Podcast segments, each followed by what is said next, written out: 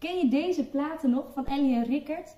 Ik heb de cd's uh, en ook de LP's echt grijs gedraaid. Ik was groot fan, ik kende alle liedjes uit mijn hoofd. Vanavond is Ellie te gast en wat ik heel bijzonder vind is aan de liedjes die zij geschreven hebben, is dat, er, uh, dat ze vaak gericht zijn op mensen die zich alleen voelen of zich een buitenbeentje voelen en zich daar misschien wel door getroost voelden. Nou, ik ben heel benieuwd. We gaan in gesprek met Ellie van, heb jij je eigenlijk wel eens buitengesloten gevoeld of dat je het gevoel dat je er niet bij hoort? Het thema is dus buitenbeentjes. Welkom bij de ontmoeting gaat door.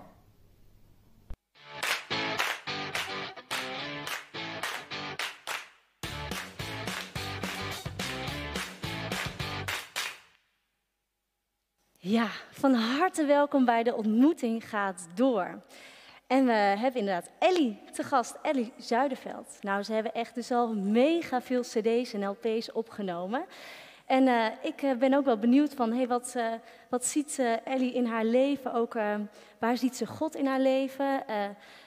wat zijn de mooie momenten? En hoe, hoe kijkt zij naar God? En die vragen ga ik sowieso ook aan haar stellen. Als je ook vragen hebt voor Ellie, zet ze in de chat, want dan kunnen we ze later in de dienst ook stellen aan haar. Nou, Ellie is niet alleen. Anne Velema zal er ook zijn. En die gaat spreken vanuit de Bijbel. En ik ga alvast hem een beetje helpen door een tekst voor hem te lezen uit Johannes 21.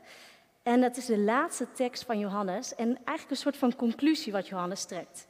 Johannes 21, vers 25. Jezus heeft nog veel meer gedaan. Als al zijn daden één voor één opgeschreven zouden worden, zou de wereld, denk ik, Johannes, te klein zijn voor de boeken die dan geschreven moesten worden. Nou, Jezus heeft mega veel verschillende dingen gedaan. Uh, heel veel wonderen ook. We gaan zo, uh, Ellie gaat zo een lied zingen. Samen met haar vaste toetsenist, toetsenist al 30 jaar, Jan Borger. Maar niet alleen met Jan, maar ook nog met twee meiden gaan ondersteunen. Feline en Jente. Leuk dat jullie er ook zijn. Uh, we gaan eerst samen zingen. Ja.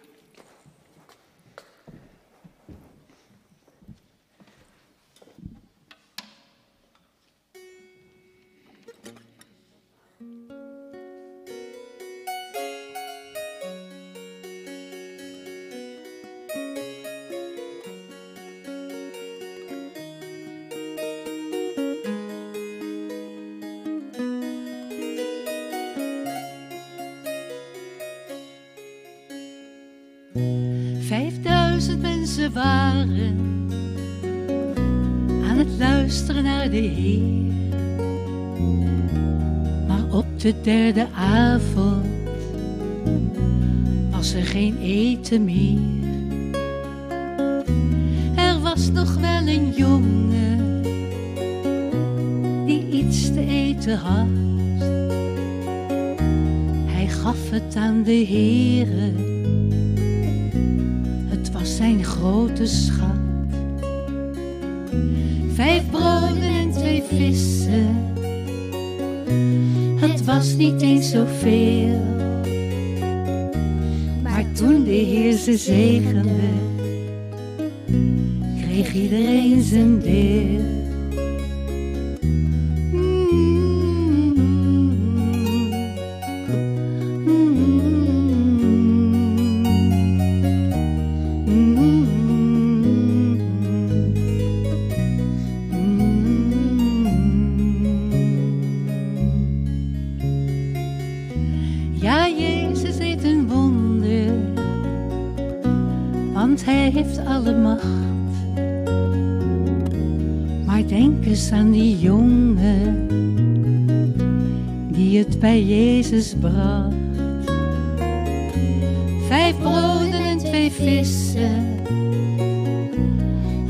Niet eens zoveel. Maar toen de Heer ze zegende,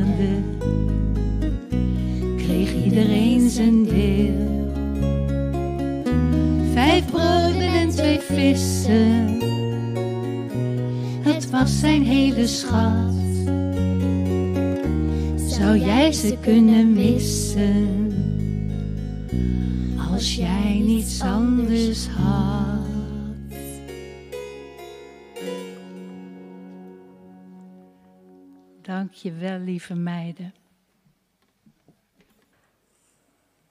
Wat een mooi lied. Een lied, uh, ik kan me voorstellen dat dat jochie daar met zijn broodbakje staat en dat hij zich misschien daarvoor best een beetje een buitenbeentje voelde, maar dat hij op dat moment zich wel even gezien voelde. Heb jij, uh, trouwens, wat fijn dat je er bent, Ellie. Ja, dank je. en uh, we hebben afgesproken dat ik je mag zeggen. Ja, Willemien. Ja, mag gelukkig. ik ook je zeggen? Ja, ja, zeker. Heb jij je wel eens een uh, buitenbeentje gevoeld? Jazeker. Eigenlijk al toen ik heel klein was. Ik dacht, altijd als ik zo naar mijn vader en moeder keek en mijn zusjes en later mijn broertje, dan dacht ik altijd, ik hoor hier niet. Ik, ik weet het niet. En dan vroeg ik het wel eens aan mijn vader en dan zei hij, nee joh, jou hebben we achter een boom gevonden. Dat was een grapje, maar op mijn geboortekaartje stond een wiegje achter een boom, dus ik geloofde dat wel.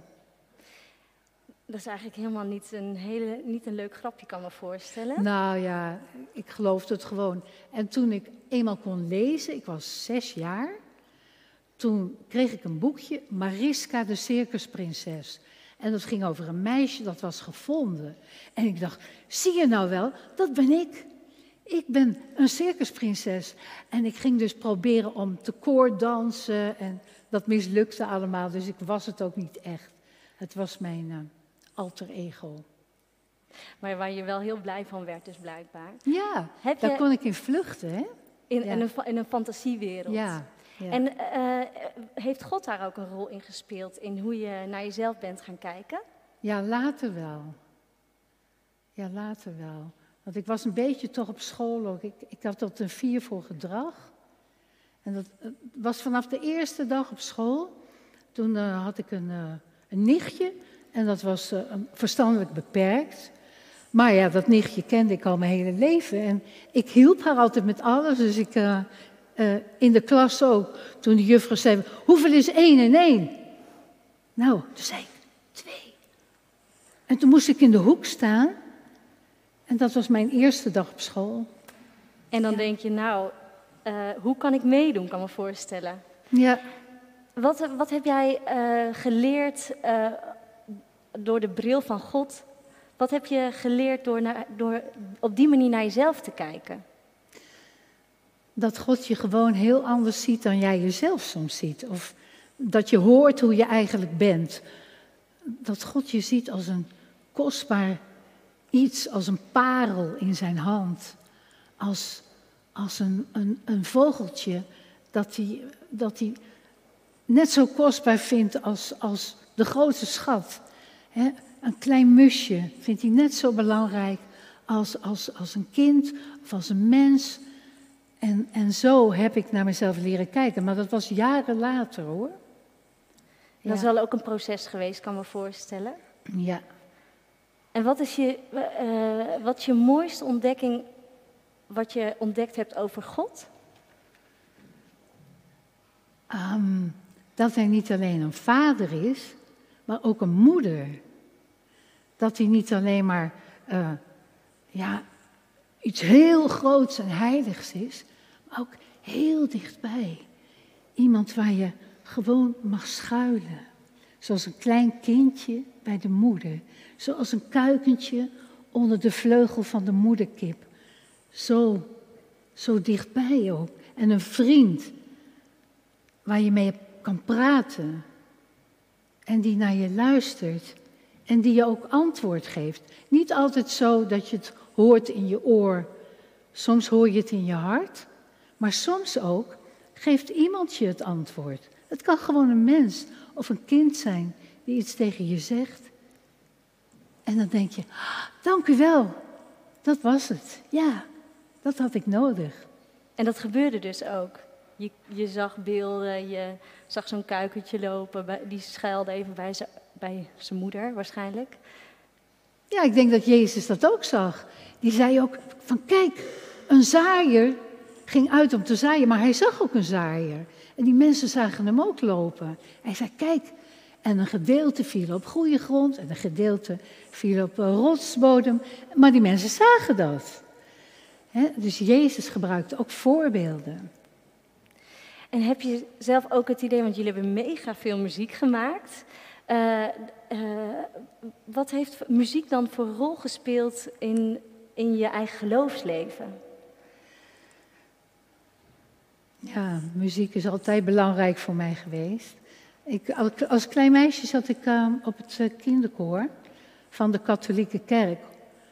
Dat was eigenlijk een jongenskoor, maar ze hadden jongenstekort. Dus ik mocht als meisje ook meedoen. en dan zongen we ook, uh, ook Gregoriaans. En dat tilde me zo op. Van Sanctus, Sanctus, Sanctus Dominus Deus Sabaoth. En dan ah, voelde ik me helemaal... Dat, dat er iemand moest zijn, een God die heilig was en die van mij hield. Maar later ben ik dat kwijtgeraakt. En dat was een beetje een tragisch verhaal. Hoef ik nou niet te vertellen? Nee. nee. Ik weet dat het een heel mooi verhaal is, maar ja. ik, ik vind het uh, heel mooi hoe jullie ook uh, zeg maar het geloof, geloven weer um, de, uh, door kleine beelden en die liedjes, die, dat raakt denk ik ook mensenharten. Dus dat, dat hoor ik ook helemaal door jouw verhaal heen. Ja. Um, ja, maar er was een dag, en toen was ik al bijna dertig. En op, toen kwam ik opnieuw bij diezelfde Jezus uit. Toen ben ik geknield samen met Rickert. Niet op zo'n zacht kleedje als hier, maar op een harde kokosmat. En toen hebben wij ons leven echt aan God overgegeven. En toen ging ook de Bijbel leven voor mij, wat daarin stond. En wat, wat bracht het jou dat jullie toen gekozen hadden voor Jezus? Alles. Alles werd nieuw. Alles.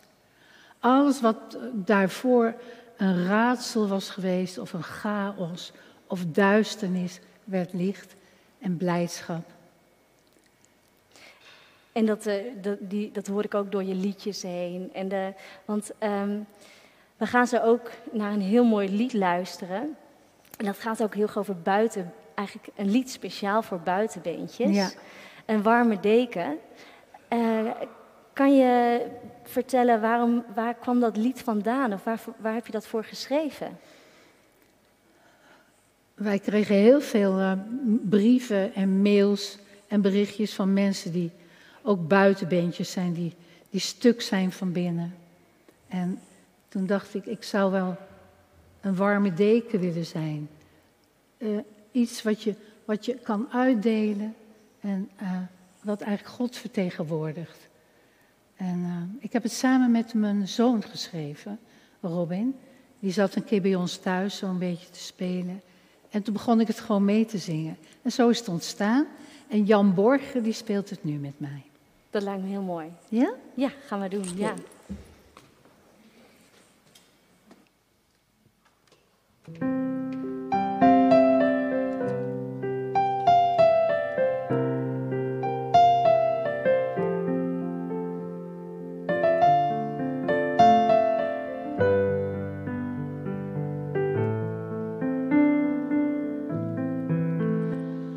Voor het kind dat bang is in de nacht. Voor de man die uitkijkt naar de morgen.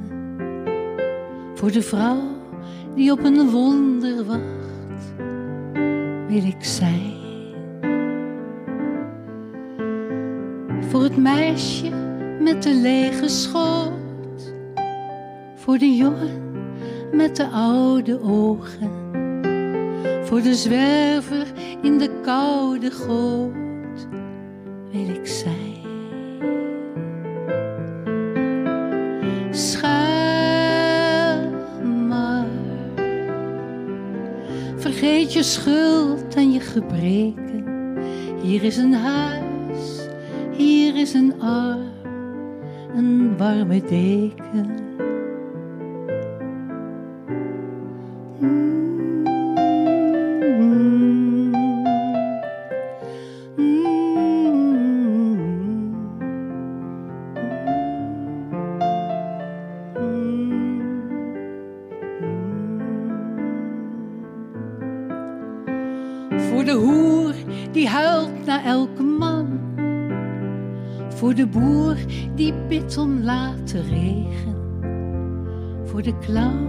Die zelf niet lachen kan, wil ik zijn.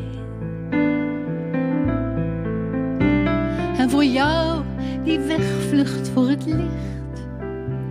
En voor jou met al je boze dromen. En voor jou daar met je ogen dicht wil ik zijn. Schuil alle stormen zijn geweken. Hier is een huis, hier is een arm, een warme deken. Schuil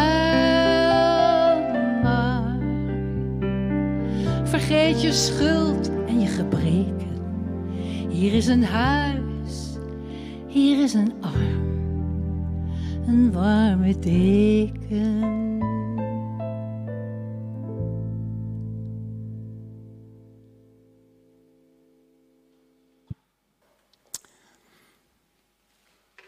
Ik heb een kilootje meegenomen. Een kilootje met buitenbeentjes.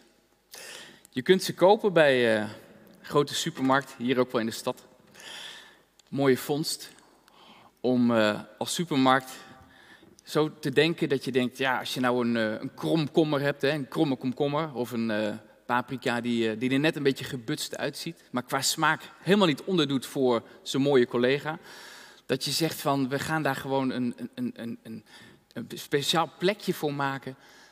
Want ik geloof dat er mensen zijn die in de winkel komen en die denken, ja, maakt mij het niet uit. Ik bedoel, de, de smaak is hetzelfde, doe mij dat buitenbeentje maar. Buitenbeentjes. Ik wil je meenemen naar een plek waar een oude man, hoogbejaard zal die geweest zijn, voorovergebogen zit achter een schrijftafel en nog één keer zijn ganzenveertje opricht en hem doopt in een beetje inkt en zijn laatste woorden schrijft en een laatste punt zet. Op het moment dat een oude mevrouw komt binnenwandelen haar naam is Elisabeth.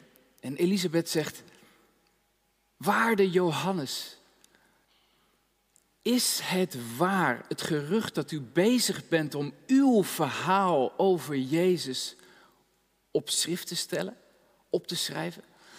En Johannes die, die, eigenlijk wakker van het drukke pennen waar hij mee bezig was. En net die laatste woorden en die punt die gezet werd. En hij kijkt op en hij kijkt Elisabeth in de ogen en hij zegt: Elisabeth, het is waar. Ik heb net, letterlijk net mijn laatste punt gezet. Ik heb mijn verhaal over Jezus willen opschrijven. En ik heb werkelijk waar na heel veel bladzijden in die grote boekrol heb ik een laatste punt gezet. Ik ben klaar. En Elisabeth zegt, wat bijzonder, ik, ik, ik, ik wil uw verhaal ook lezen. Want ik, ik ken het verhaal van nou, die eerste man die het op heeft geschreven, Marcus. En ik ken het verhaal van Matthäus en van Lucas. En ik heb gehoord dat gezegd werd dat Johannes bezig was om zijn verhaal op te schrijven. En u bent klaar. En wat heeft u opgeschreven? Wat, is, wat voegt u toe aan dat wat al is opgeschreven en wat we al weten? Johannes zei, eh, nou Elisabeth, ik ben lang aan het schrijven geweest. Later, even, voor de, even tussendoor, 15 eeuwen later heeft iemand ons wat geholpen door het hoofdstukken te geven. 21 hoofdstukken lang en 880 versen lang Johannes-evangelie. Goed nieuws door de pen van Johannes. En, en, en, Johannes zegt, nou en ik heb net mijn laatste zin ge, opgeschreven. En Elisabeth die zit natuurlijk zo van, en wat heeft u opgeschreven? Wat is die laatste zin geweest?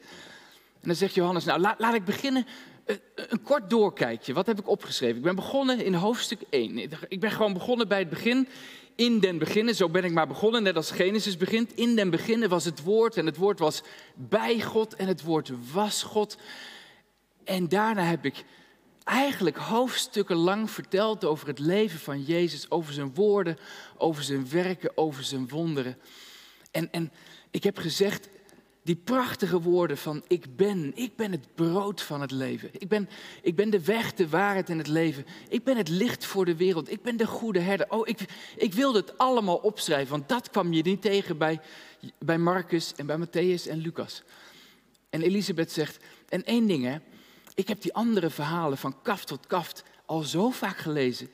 Hoe luidt nou die laatste zin? En dan zegt Johannes zegt, die laatste zin, Elisabeth, die luidt als volgt.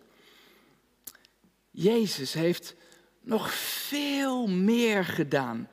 Als al zijn daden één voor één opgeschreven zouden worden, zou de Noorderkerk te klein zijn om boeken op te stapelen. Nee, zou Zwolle, nee, zou, nee, nee, zou niet Nederland, nee, zou de wereld te klein zijn. Denk ik, bescheiden ik, Johannes, voor de boeken die dan geschreven moesten worden. Nou, en Elisabeth die schuift nog een beetje naar voren en die denkt, oh, Johannes, geef me dat boek. Maar, maar dan kiest u er waarschijnlijk ook voor om de wonderen die bij die andere drie al beschreven staan, om die niet nog een keer te vertellen. Want dat viel me wel op hoor, bij het lezen van Lucas en Matthäus, die later zijn gaan schrijven dan Marcus. Ja, soms heb ik het idee dat ze gewoon die, die wonderen een beetje overschrijven en een beetje hun eigen versie van, van maken. Bijvoorbeeld dat ene verhaal, hè, zegt Elisabeth dan, van die, uh, van die vijf broden en twee vissen. Werkelijk waar, dat stond en bij Marcus, het oudste evangelie, maar ook bij Matthäus en ook bij Lucas, Johannes. Geliefde broeder Johannes, die heeft u vast overgeslagen. Nou, zegt Johannes, Elisabeth, dat is het enige wonder tussen het leven, tussen dat het leven van Jezus begon in die kribbe en dat het leven van Jezus eindigde aan het kruis. Van al die wonderen die Jezus heeft gedaan, heb ik ervoor gekozen ook om dit verhaal te vertellen. Dit is het enige verhaal, Elisabeth, dat je in alle vier de evangeliën kunt lezen. Dit wonder moest een plekje krijgen in mijn verhaal. Maar, maar waarom dan? Wat, wat, wat, wat voegt u toe aan de verhalen die geschreven zijn? En dan zegt Johannes, wacht even, je kent het verhaal van Matthäus en Marcus en Lucas, hè? Maar je kent niet het verhaal van het broodbakje. Want wat je bij hen niet leest, is dat het broodbakje kwam uit de handen van een jongetje. Die had zo'n soort broodbakje bij zich. Een kinderbroodbakje. En hij leefde het in in de handen van de Heer Jezus. En je ziet Elisabeth zo kijken van, ja, maar wat maakt dat nou zo bijzonder? Nou, je hebt toch Matthäus gelezen, Elisabeth? Je weet toch wat er bij Matthäus staat? Matthäus, die zei toch iets over hoeveel mensen er aanwezig waren bij dat wonder? Ja, zegt Elisabeth, 5000 waren erbij. Ja, wacht even, Elisabeth. 5000 wat? Mensen? Uh, even teruglezen hoor. Er hadden ongeveer 5000 man gegeten, vrouwen en kinderen niet, niet meegeteld. Uh, uh, 25.000 mensen? Of 20.000? Vrouwen en kinderen dan meegeteld, hè? Ja, maar dat staat er niet. Matthäus was kind van zijn tijd toen hij dit opschreef. Hij telde alleen de mannen. Want en de vrouwen en de kinderen telden voor hem niet mee. En telden voor de gemiddelde Jood niet mee. En wat is het wonder van dit verhaal? En dat moest ik kwijt in mijn verhaal. Dat moest de wereld weten. Dat dit grootste wonder wat Jezus als het ware gedaan heeft, wat in alle vier de evangeliën te lezen is, dat dat mede mogelijk gemaakt is door de handen van niet één van die twaalf mannen, niet één van die vijfduizend mannen, maar mede mogelijk gemaakt door dat kind waarvan we de naam niet weten. Hij was de enige die zijn lunchpakje inleverde. En mede mogelijk gemaakt door de Heer Jezus, die het in zijn handen nam en het zegende en het brak en het uitdeelde. Avondmaal. De kerk ging het laten vieren in de ochtend en kinderen snappen er niks van. Avondmaal in de ochtend. Avondmaal werd daar voor het eerst gevierd met duizenden mensen. Mede mogelijk gemaakt door een kind. Buitenbeentjes. Als je de evangelie leest, of het nou hoeren zijn, of tollenaars, of melaatsen, of uh, heidenen, of blinden, of verlamden. Jezus had juist zo ontzettend hen voor ogen. Zij telde zo mee voor Jezus. Toen, 2000 jaar geleden, en Ellie en Rickert zetten een dikke streep onder goed nieuws van Jezus hier en nu als zij zingen voor het meisje met de lege schoot. Voor de jongen met de oude ogen. Voor de zwerver in de koude goot wil hij zijn. Voor de hoer die huilt naar elke man. Voor de boer die bidt om laten regen. Voor de clown die zelf niet lachen kan, wil hij zijn. En voor jou die, die wegvlucht voor het licht. En voor jou met al je boze dromen. En voor jou daar met je ogen dicht. God zegt, ik wil er zijn. Het beste nieuws. Amen.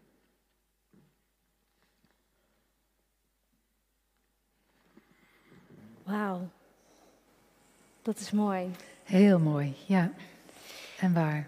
En waar, ja. Jij gaat zo ook weer een lied zingen. En dat lied heet Gebroken Wit.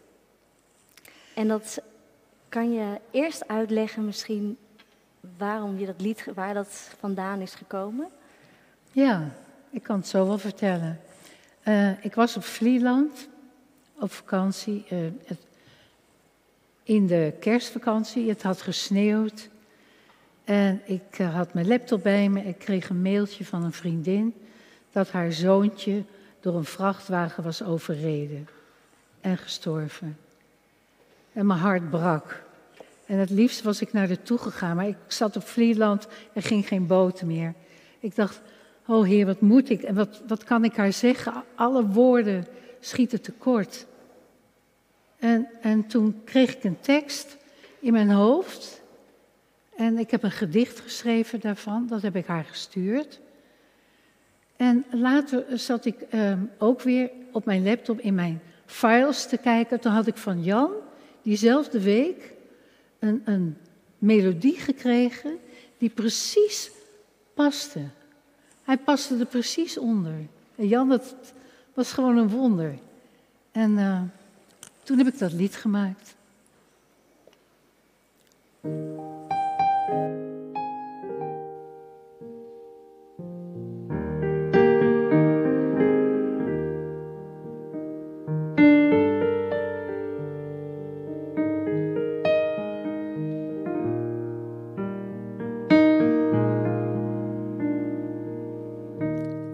een stilte in de lucht. De wolken waar nog sneeuw in zit, zijn grijs en vaal, de velden kaal, gebroken wit. Je haalt de lakens van de lijn, die ene waar een gat in zit. Tijdloos vod, voorgoed kapot. Gebroken wit, gebroken wit. Geen kleur zo kleurloos, geen geur zo geurloos, geen hart zo hopeloos als dit. Gebroken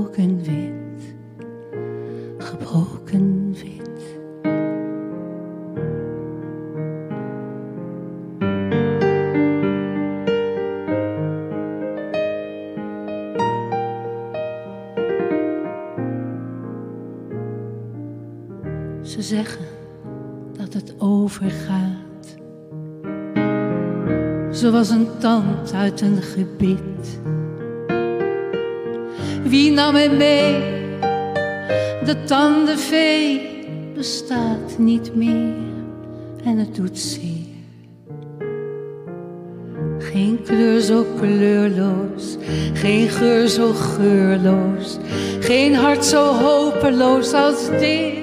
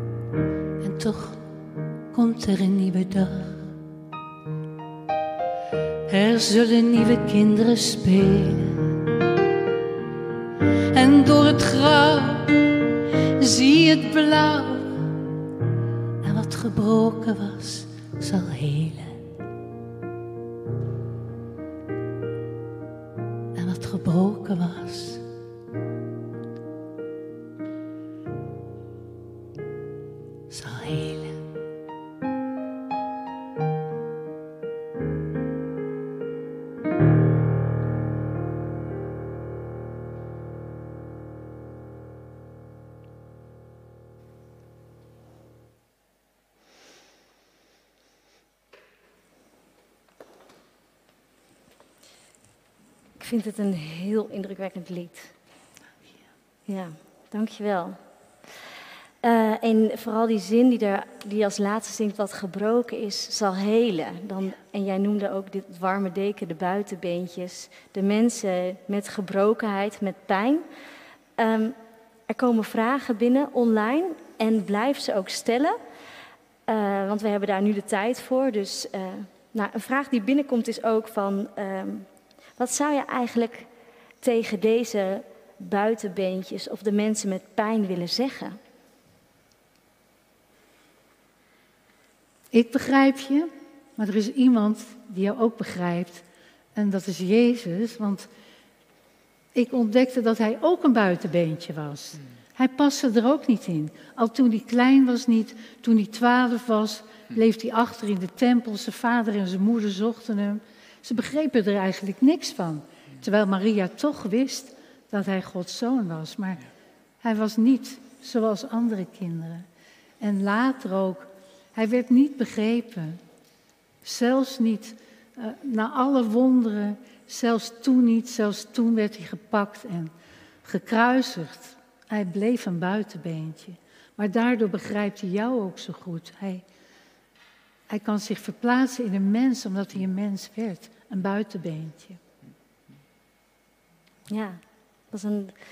Eigenlijk is dat. En de volgende vraag sluit daar wel heel erg mooi ook op aan. Want um, heb jij tips of ideeën hoe. Um, als je Jezus wil. Ja, uh, wil, als je wil lijken op Jezus. Uh, hoe. Uh, je, je, hoe kan je dat doen? Hoe kan je hem uh, in het dagelijks leven ook zien en ontdekken? En, uh... Ja, dat is allereerst je dag beginnen met hem. Mhm. Allereerst zeggen, Heer, hier ben ik weer. En wilt u mij leiden door uw geest? Iedereen die ik ontmoet, wilt u die zegenen? Mhm. En ook als je iets meemaakt en je kan het niet plaatsen, dat je dat je er weer mee naar de Heer gaat. En ik ben echt, ik ben niet zo'n heilige hoor. Er gaan heel veel dingen mis ook in mijn leven. Maar dan zeg ik ook, Heer, hier ben ik weer. Ik heb het weer helemaal verprutst, maar ik mag komen. En ja, dat geldt ook voor jou. Ja, ja dat is. Heb jij ook een, uh, een concreet beeld of een tekst uit de Bijbel die je daarbij helpt om dat elke keer weer, uh, dat het weer bewust in je hoofd komt? Of hoe doe je dat? Ja, ik heb er een paar. Die ene is, uh, komt alle tot mij die vermoeid en belast zijt en ik zal je rust geven voor je ziel. Want toen ik een klein meisje was, was dat geschilderd als een, een soort hele mooie uh, schildering op de muur van de kerk. En, maar daar stond, omdat ik katholiek was, stond er, en ik zal u verkwikken. En dan zag je Johannes met zijn hoofd op Jezus, uh, of tegen Jezus aan. En dan dacht ik, als dat verkwikken is, dan wil ik dat ook. En nu weet ik wat het is om verkwikt te worden door Jezus. Maar je moet het wel, je moet het wel opzoeken. Je kan niet zeggen, nou verkwik me maar, weet je wel. Het is echt zo van, nou, hier ben ik, hier, ik, ik, ik leg me maar weer in uw armen. Als een gespeend kind bij zijn moeder. Psalm 131, als een kindje in de armen van zijn moeder.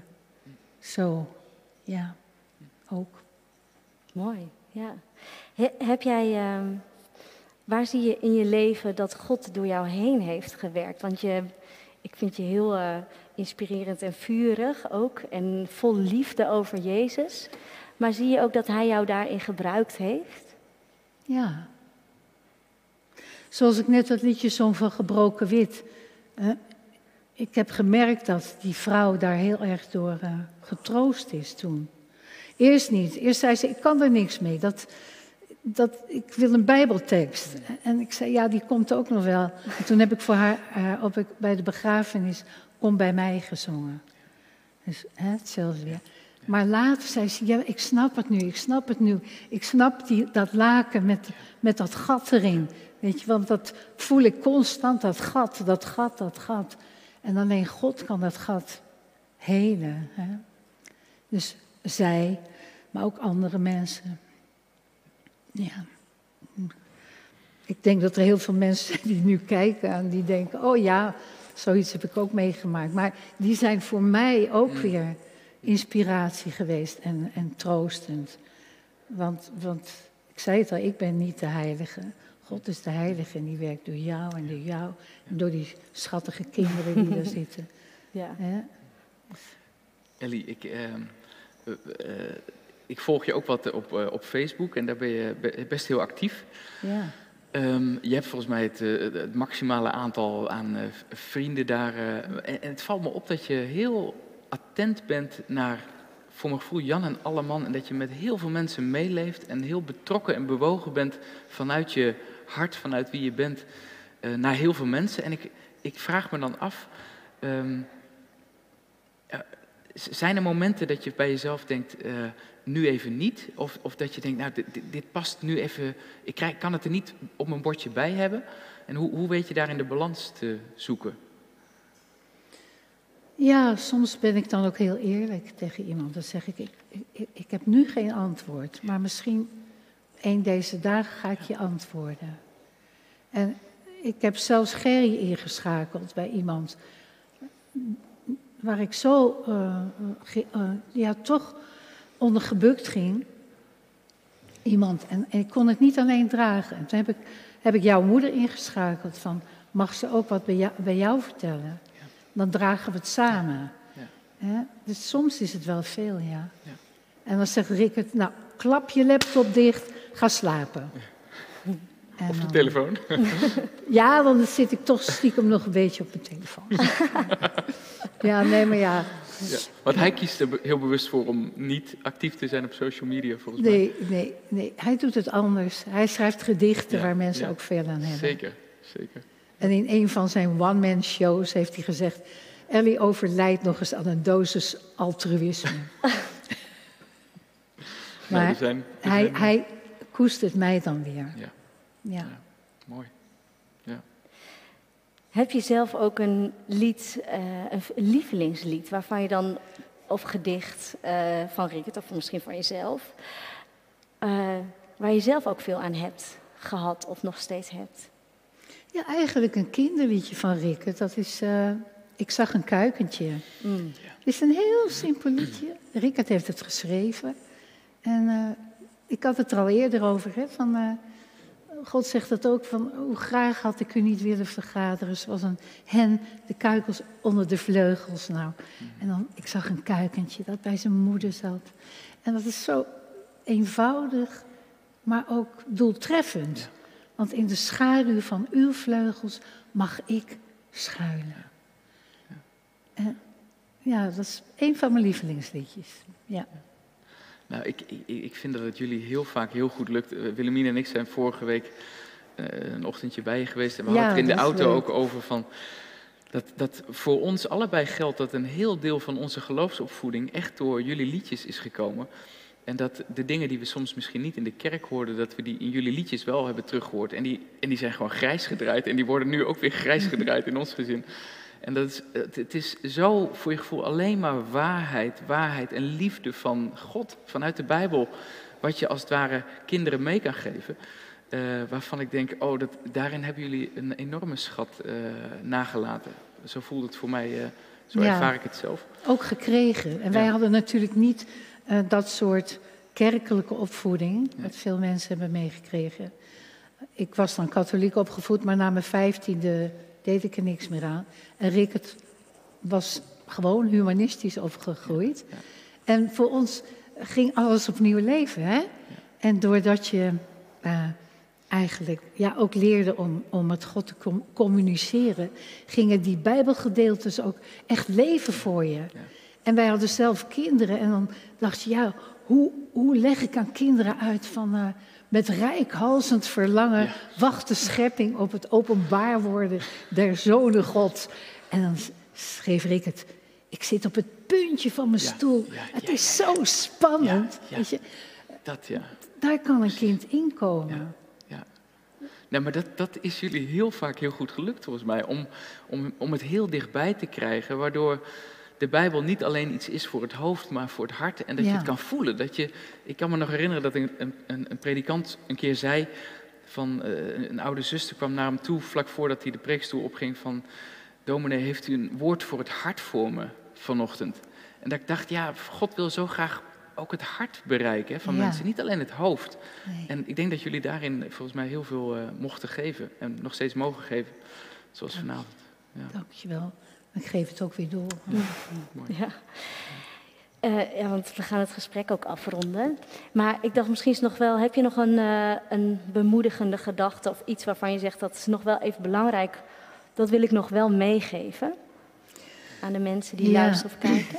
Ja, juist in deze tijd, in deze coronatijd, waarin je niet weet wanneer je nou een, mondkapje op moet of niet en hoe ver je van elkaar. En dat lukt soms niet, weet je wel. Dan moet je toch zo'n dingetje om en dan moet iemand je toch aanraken en dan, en dan iemand huilt en je zou zo graag willen troosten.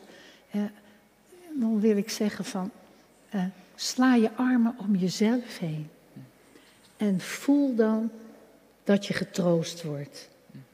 Ja, want je hebt soms alleen maar je eigen armen, maar doe dat dan maar. En denk dan dat God zijn handen op jouw handen liggen en dat Hij jou troost. En er komt dus toch nog een vraag binnen. Dus die ga ik toch nog even Ja. stellen. Iemand vraagt zich nog af van, hoe is het dat eh, jullie liedjes zoveel gedraaid eh, eh, worden bij, de, bij heel veel gezinnen dus thuis, nog steeds. Hoe is dat voor jullie? Ja, wij komen natuurlijk niet bij al die gezinnen, maar we horen het dan wel. We horen van mensen, ik heb er zo van gehad. Of, of ze sturen een filmpje en dan zie je die kinderen dansen van eh, eh, eh, hokjes, bakjes of zo. Weet je wel. Dan, ja, daar word je blij van. Ja. Dat, is, dat is dankbaarheid. Ja, dat is, Dat geeft de energie. wij voelen dankbaarheid. Ja. Ja. We hebben niet voor niets geleefd, denk ik. Nee, nee. En jullie, gaan, jullie zijn ook nog niet gestopt met muziek maken, volgens mij. Ehm, nee. Eh, nou, we, we schrijven nog wat dingen. Misschien komt er ook nog wel een cd'tje een keer. Ik beloof niet echt wat, maar... Nee, maar het blijft misschien wel kriebelen. hè? Gewoon Ja. de, de muziek sowieso. Ja, maar er komt nog, er ko- is nu een kerstcd. En daar heeft Rickert zelfs ook nog een liedje op gezongen. En eh, die wordt uitgegeven door ehm, Kerk in Actie, Daarom Kerst. En daar staan een paar hele mooie liedjes op. Niet alleen van ons, maar ook van André van der Weijden. En dat zijn eh, hele mooie liedjes. En je, mag ik het vertellen? Ja, je kunt hem bestellen bij daaromkerst.nl. En dan krijg je hem gratis voor niets. En je kan kiezen tussen een van ons of van Stef Bos. En als je ze allebei bestelt, dan is die andere voor 2,50. Nou, dat is niet duur, hè? Kan je, dat is misschien juist een mooi iets om door te geven. Ja, kan iemand dat anders was de reclame voor vandaag. Ta-da, Het reclameblokje. Nou, dankjewel. Heel erg mooi. En ik vind het bijzonder, want ik hoor door jouw verhaal heen echt ook enorm veel eh, de liefde en de passie. En, eh, eh, en ook door jullie liedjes heen. En wat ik heel bijzonder vind, is dat ehm, vanuit jullie zijn vooral heel veel muziek gaan maken. er zijn ook mensen, van, ook vanuit onze kerk, die helemaal naar Thailand gegaan zijn. Er zitten een paar mensen in Isaan. Daar wonen echt meer dan 22, 22 miljoen mensen.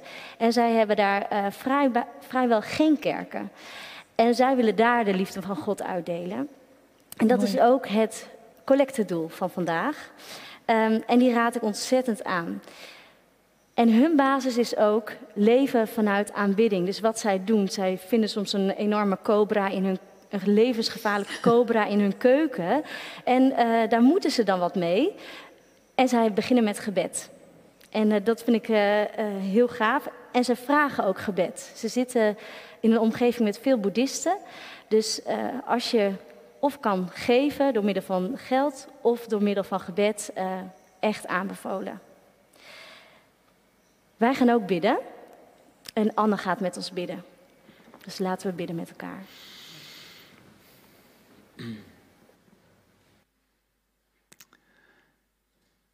Ja, dank u wel, lieve God en Vader, dat we in de Heer Jezus u in het gezicht mogen kijken, Vader. De Heer Jezus die zei, als je mij hebt gezien, heb je God gezien. Heb je de Vader gezien, de ogen van Vader. Je hebt de stem van Vader gehoord als je naar mijn woorden luistert. En dank u wel, Heer Jezus, dat u zo zichtbaar maakt dat u, Heere God, een bewogen, een intens bewogen God bent met een ieder. Een God die oog heeft voor buitenbeentjes. Die ervoor zorgt dat niemand met dat vermaledijde gevoel door deze wereld hoeft te gaan. Van ben ik wel in beeld, tel ik wel mee, tel ik wel ten volle mee, doet mijn leven er wel toe. Maar dat u, Heere God, zo laat zien het, het ademt vanuit uw woord. Zo sterk. Dat u bewogen bent bij ieder mens. En dank u wel dat dat ook vanavond mocht klinken. Door liederen. Door woorden. En ik bid dat het tot zegen gesteld mag worden voor een ieder die hierbij was, hier fysiek aanwezig of thuis meekijkt. Heer, we bidden uw hand over die zendelingen in Thailand. Wees ze nabij, Heer. Geef ze kracht voor elke dag. Geef ze bewogen harten zoals u bewogen was.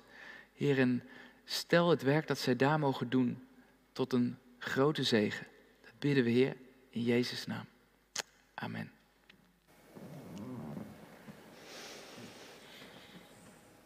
Ja, we gaan ook nog een uh, zegenlied zingen.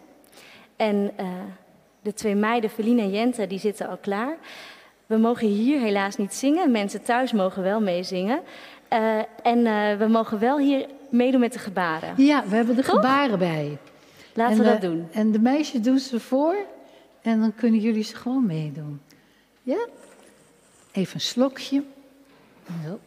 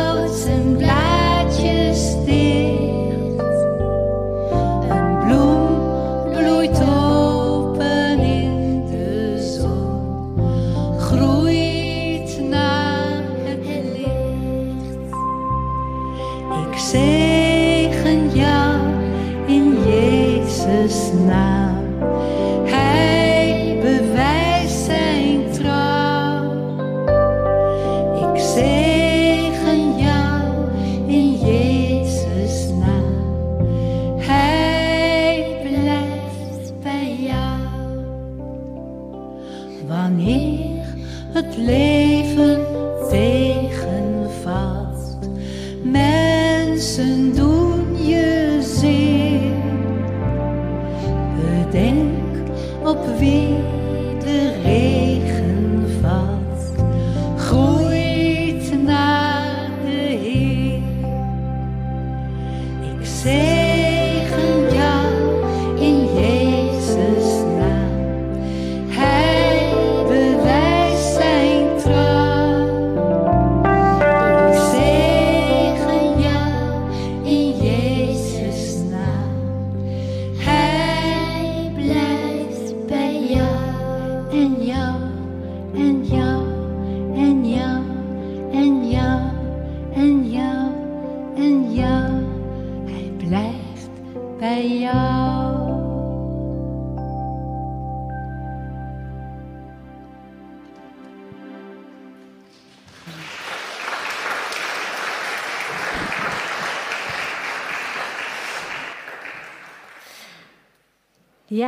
We zijn helaas bijna aan het einde van deze dienst gekomen. En ehm, deze dienst staat niet alleen op YouTube, maar ook op eh, Spotify. Dus eh, zoek hem op op eh, Ontmoeting gaat door of delen met iemand anders. Ehm, heb je vragen of opmerkingen? Ehm, stuur een mailtje naar ontmoeting.cgkzwolle.nl. Tot over twee weken en dan is Rokus Plantinga te gast. Dus tot over twee weken. Bedankt voor het kijken of luisteren.